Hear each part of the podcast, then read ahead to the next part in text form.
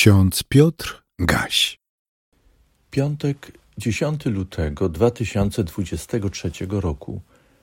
W księdze Izajasza w 52 rozdziale 7 wersecie czytamy: Jak miłe są na górach nogi tego, który zwiastuje radosną wieść, który ogłasza pokój, który zwiastuje dobro, który ogłasza zbawienie, który mówi do Syjonu: Twój Bóg jest królem.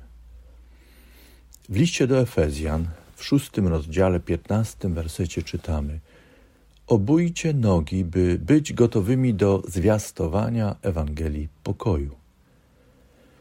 Nie wiem, czy w swoim osobistym życiu przeżyliśmy już sytuacje, w których przekazywano nam hiobową wieść, czyli bardzo złą wiadomość informacje o nieszczęściu. Kiedy słuchamy serwisów informacyjnych, można odnieść wrażenie, że w świecie dzieją się tylko nieszczęścia, podobne do tych, które spadły na biblijnego Hioba. Pewnie pamiętamy, że Hiob, szczęśliwy, zamożny człowiek sukcesu, wskutek niezasłużonej tragedii znosił doświadczenia dopuszczone do niego przez Boga. Hiob stał się symbolem, a wieść Hiobowa wywołuje zawsze złe skojarzenia. Nie wiem, czy w życiu osobistym byliśmy już odbiorcami Hiobowej wieści, natomiast w, dwa, w 2019 roku, obok innych lokalnych dramatów, świat obiegła Hiobowa wieść. Usłyszeliśmy wówczas o koronawirusie, na który nie znamy leku i nie mamy szczepionki. Jesteśmy wobec niego zupełnie bezradni. Potem słuchaliśmy komunikatów o tym, jak COVID-19 ścinał z nóg setki tysięcy ludzi, zabierał im zdrowie i życie. Niewidoczny dla ludzkiego oka COVID-19 zmienił świat, przeorał myślenie o życiu, zdrowiu i umieraniu. W 2022 roku wydawało się, że świat wreszcie wychodzi z pandemii, mobilizuje się. Mobilizuje się, by wyjść jak najszybciej z pandemicznej zapaści i odrobić straty. Tymczasem w lutym 2022 roku serwisy informacyjne przekazały Hiobową wieść o napaści Rosji Putina na Ukrainę, by kontynuować wojnę rozpoczętą w 2014 roku i realizować rosyjskie imperialne interesy w Ukrainie i na świecie. Niedługo minie rok od napaści Rosji na Ukrainę i wywołania wielkoskalowej wojny. Świat czeka na przełom i koniec tej wojny. Czekamy i nagle otrzymujemy kolejną hiobową wieść. Tym razem o trzęsieniu ziemi w Turcji i Syrii.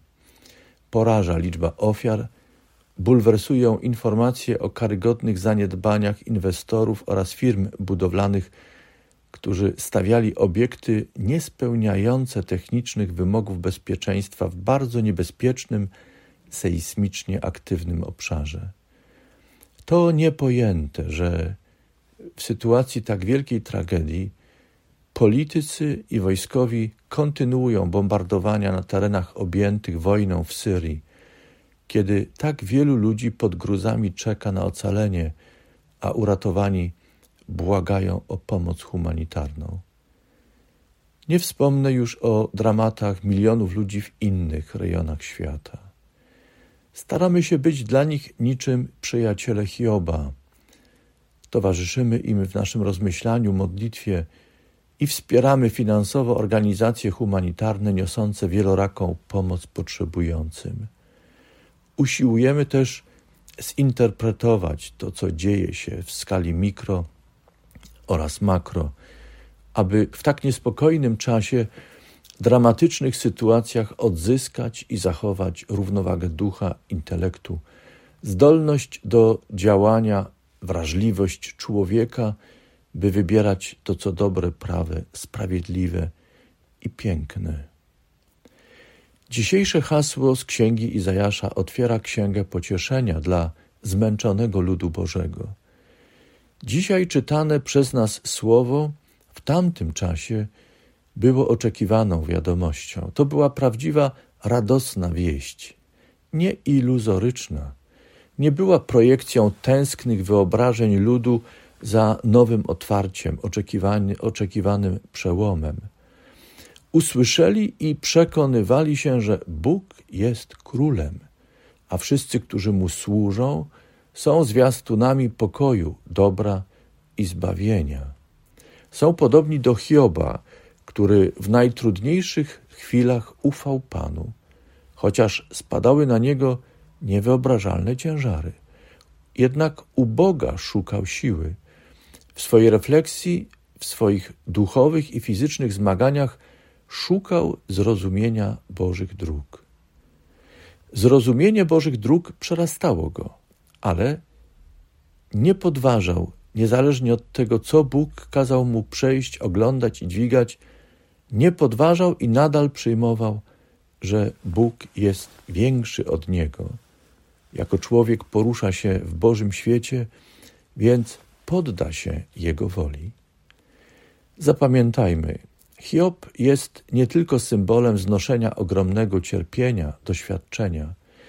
Hiob jest obrazem wielkości, do której człowiek dorasta, kiedy pomimo wszystko i wbrew wszystkim opiniom i poglądom pozostaje Bogu wierny i poddaje się Jego woli. Dzisiejsze hasło z Nowego Testamentu, z listu do Efezjan, jest fragmentem przesłania apostoła Pawła, w którym wzywa apostoł do umacniania się w Panu i w potężnej mocy Jego.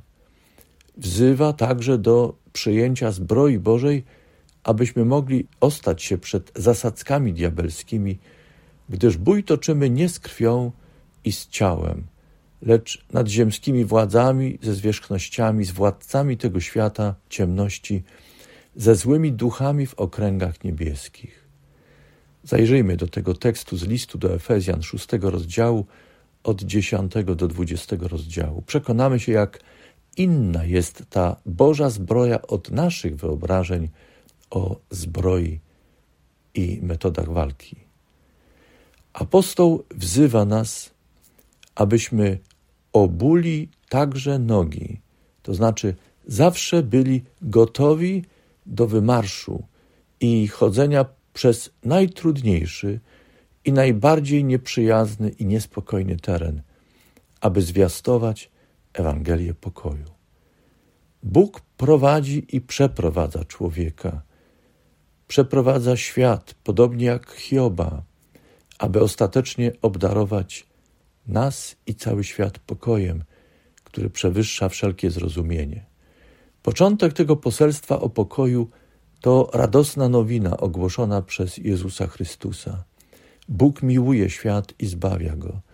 Błogosławieni, szczęśliwi są ci, którzy poddają się Bożemu prowadzeniu, ufają Panu pomimo wszystko i wbrew różnym opiniom oraz głoszonym poglądom, także współcześnie. Jedna z pieśni w śpiewniku Chwalmy Pana, zapisana pod numerem 321, tak głosi: Wszystkie moje troski i kłopoty w Twoje ręce składam, Panie mój. Bardzo cieszę się, że właśnie nas wybrałeś, abyśmy idąc nieśli imię Twe. Zawsze chciałem zostać apostołem, było to pragnienie w życiu mym. Gdy odejdziesz, to napiszemy Ewangelię, aby imię Twe znał cały świat. A pokój Boży, który przewyższa wszelkie zrozumienie, niechaj strzeże serc i myśli naszych w Chrystusie Jezusie, Panu i Zbawicielu naszym. Amen.